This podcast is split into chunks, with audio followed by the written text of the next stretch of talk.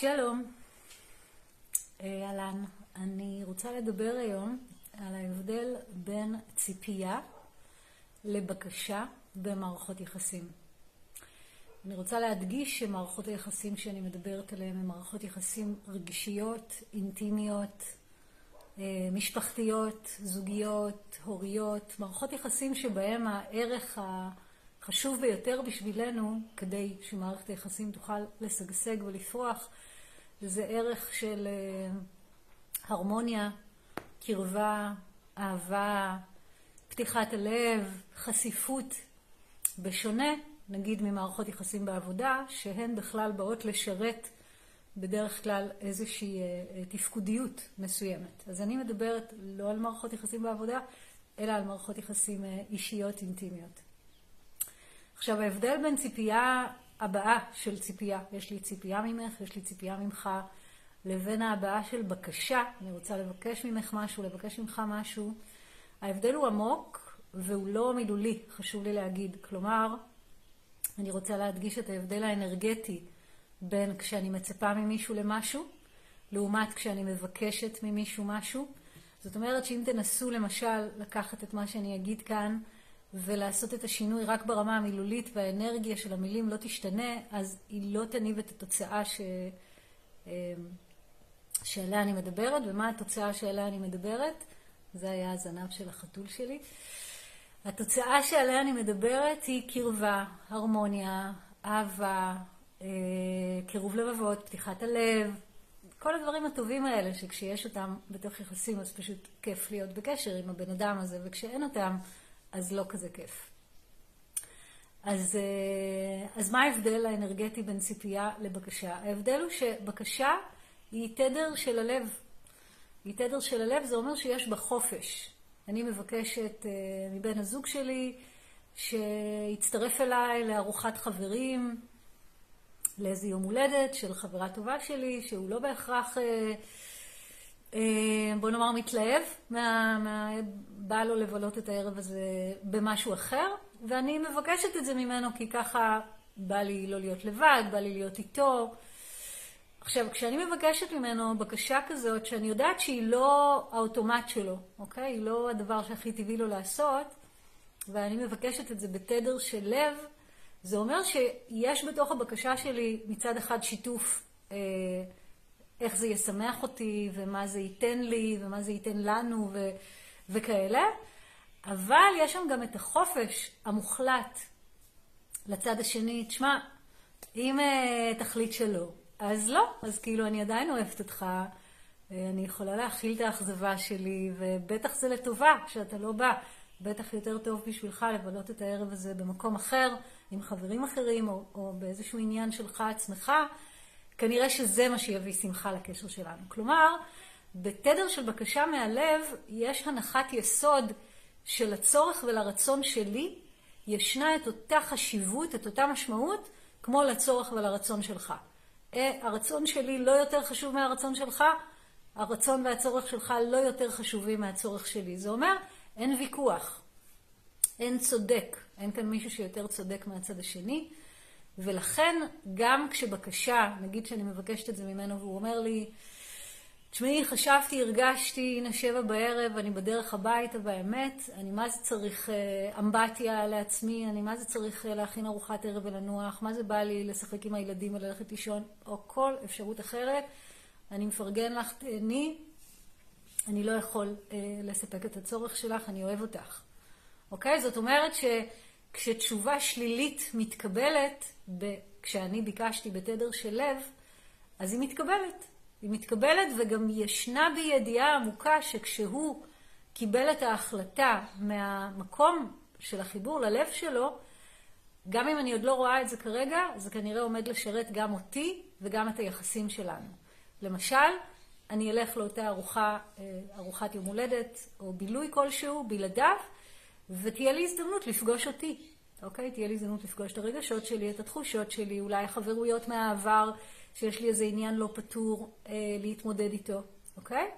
זאת אומרת, כשיש בקשה מהלב, ישנו חופש, באמת אבל, לקבל תשובה שלילית, לשנות אותה גם ברגע האחרון. אין ויכוח, אוקיי? אין ויכוח. עכשיו נעבור לתדר של ציפייה.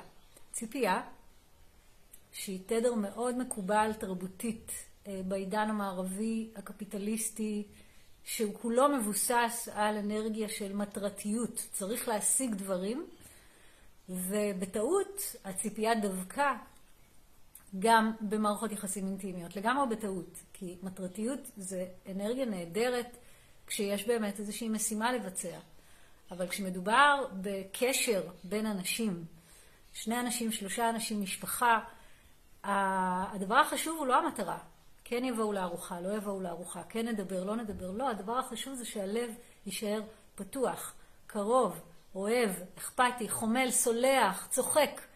אוקיי? לב אוהב זה, הדבר, זה המצב הכי נעים למערכת העצבים שלנו, אוקיי? לעומת לב חרדתי או לב אה, כוחני, אוקיי? ובעצם ציפייה, התדר שלה הוא תדר של כוחנות. למה?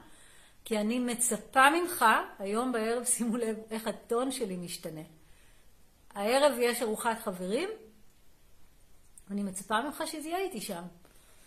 מה זאת אומרת? ברור, אתה חבר שלי או בן זוג שלי או בעלי, לא משנה, אתה צריך להיות שם. גם אם אני לא אגיד את זה במילים האלה, אני יכולה להגיד את זה במילים הכי מנומסות.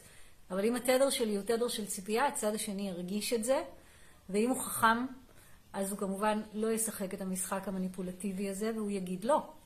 אני מכבד אותך, אני אוהב אותך, אני שמח בשבילך שיש לך חברים לחגוג איתם יום הולדת, אני לא בעניין.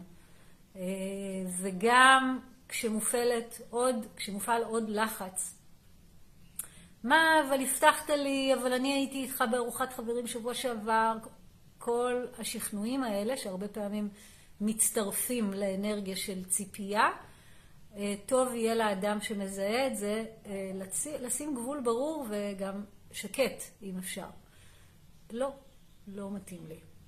וכן, זה יציף כאב, ולזמן מסוים זה גם ייצור ריחוק כי אם לקרבה, נגיד, שאני רציתי איתו, היה תנאי מסוים, אני אוהב אותך ואהיה קרובה אליך רק אם תבוא איתי לארוחת חברים, אז עכשיו כשאתה אומר לי לא, אז אני כאילו לא אוהבת אותך או לא קרובה אליך, מאוכזבת ממך, כל הרגשות המניפולטיביים האלה, אוקיי? מה זה מאוכזבת ממך? אני מרגישה כאב, זה שלי, אוקיי? ציפייה היא מצב שבו אני חושבת שלרצון ולצורך שלי יש יותר חשיבות ומשמעות מלרצון ולצורך שלך. וזו בעצם הבעייתיות עם ציפייה, אוקיי? אה, אין בה חופש.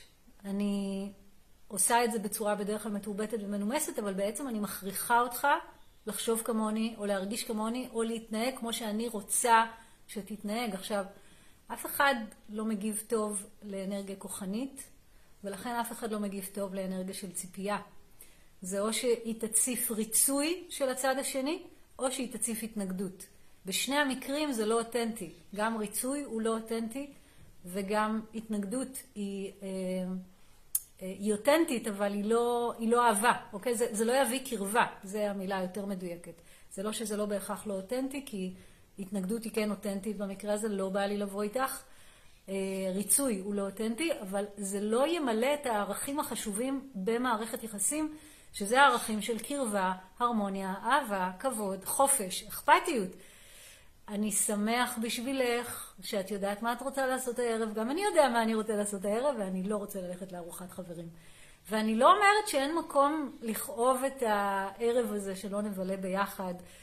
לגיטימי שאני ארצה. מה זה בא לי שתהיה איתי? נראה לי שיהיה ערב, מה זה כיף. ממש ממש לגיטימי שאני ארצה. אבל אם אני זוכרת שמה שהכי חשוב לי זה הקרבה בינינו, אז כשאני אשמע אותך, אפילו אם אני אבוא באנרגיה של ציפייה, כשאני אשמע אותך אומר לי, לא, אה, לא בא לי, לא רוצה, לא נראה לי, לא עייף לי, לא משנה, פשוט לא, הדבר הכי טוב בשבילי זה לרדת לרובד של הלב, מהציפייה שהיא מנטלית יותר, לרובד של הלב ולהגיד, אתה יודע מה, אני מבינה אותך. משחררת את הסיפור שהיה לי, שאתה צריך לבוא איתי, ומוכנה להיפתח לסיפור חדש. האמת היא שאתה לא צריך לבוא איתי, האמת היא שאתה אדם חופשי, נולדת חופשי ותמות חופשי, ואני מעדיפה שתבוא איתי לבילוי כזה או אחר כשאתה בוחר בו מתוך חופש. אוקיי? אז אני מסכמת. ההבדל בין ציפייה לבקשה היא בעצם ההבדל במניע. בבקשה המניע הוא מניע של אהבה, קרבה, אכפתיות, כבוד, חופש לשונות בינינו, ולכן גם כשמתקבלת תשובה שלילית אני יכולה להכיל את זה, כי אני זוכרת שהקרבה בינינו יותר חשובה באם אתה עושה את מה שאני מבקשת או לא. וציפייה, התדר שלה הוא תדר אה, כוחני ומניפולטיבי, ויש מאחוריה הנחת יסוד של הצורך של מי שמצפה, נגיד לצורך שלי, יש יותר חשיבות או יותר משמעות מלצורך שלך. ולכן הציפייה בעצם מבוססת על הנחה שגויה, כי למה שלצורך שלי יש יותר חשיבות מאשר לצורך שלך? אנחנו שווים בערך שלנו, אנחנו שווים במשמעות שלנו בתוך מערכת היחסים שלנו, ואנחנו שווים בנאמנות שלנו ללב שלנו. ואת יכולה ללכת לאן שאת רוצה, ואני יכולה ללכת לאן שאני רוצה, וכשאני ארצה ללכת איתך לארוחת חברים, אני מבטיח שאת תהיה הראשונה לדעת. אז כמובן שזאת הייתה רק דוגמה, ואתם יכולים לתרגם את הדוגמה הזאת לאין ספור הדוגמאות שאתם פוגשים ברמה היומיומית.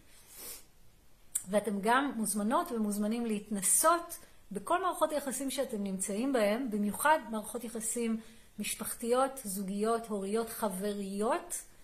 אה, אתם מוזמנים לנסות את התדר הזה של בקשה, באמת באמת לבוא מהמקום שאני נותנת חופש לצד השני, לענות מה שבא לו, מה שבא לה. בלי לכפות את דעתי עליה, עליו, ולראות שאתם גם תקבלו הרבה יותר שיתוף פעולה, אה, וגם אם לא תקבלו שיתוף פעולה, יהיה לכם קל יותר להכיל את זה, ופשוט תנכח יותר אהבה ורקות בחיים שלכם. זהו. אז תודה שהייתם איתי כאן. אה, שיהיה לכם המשך יום טוב.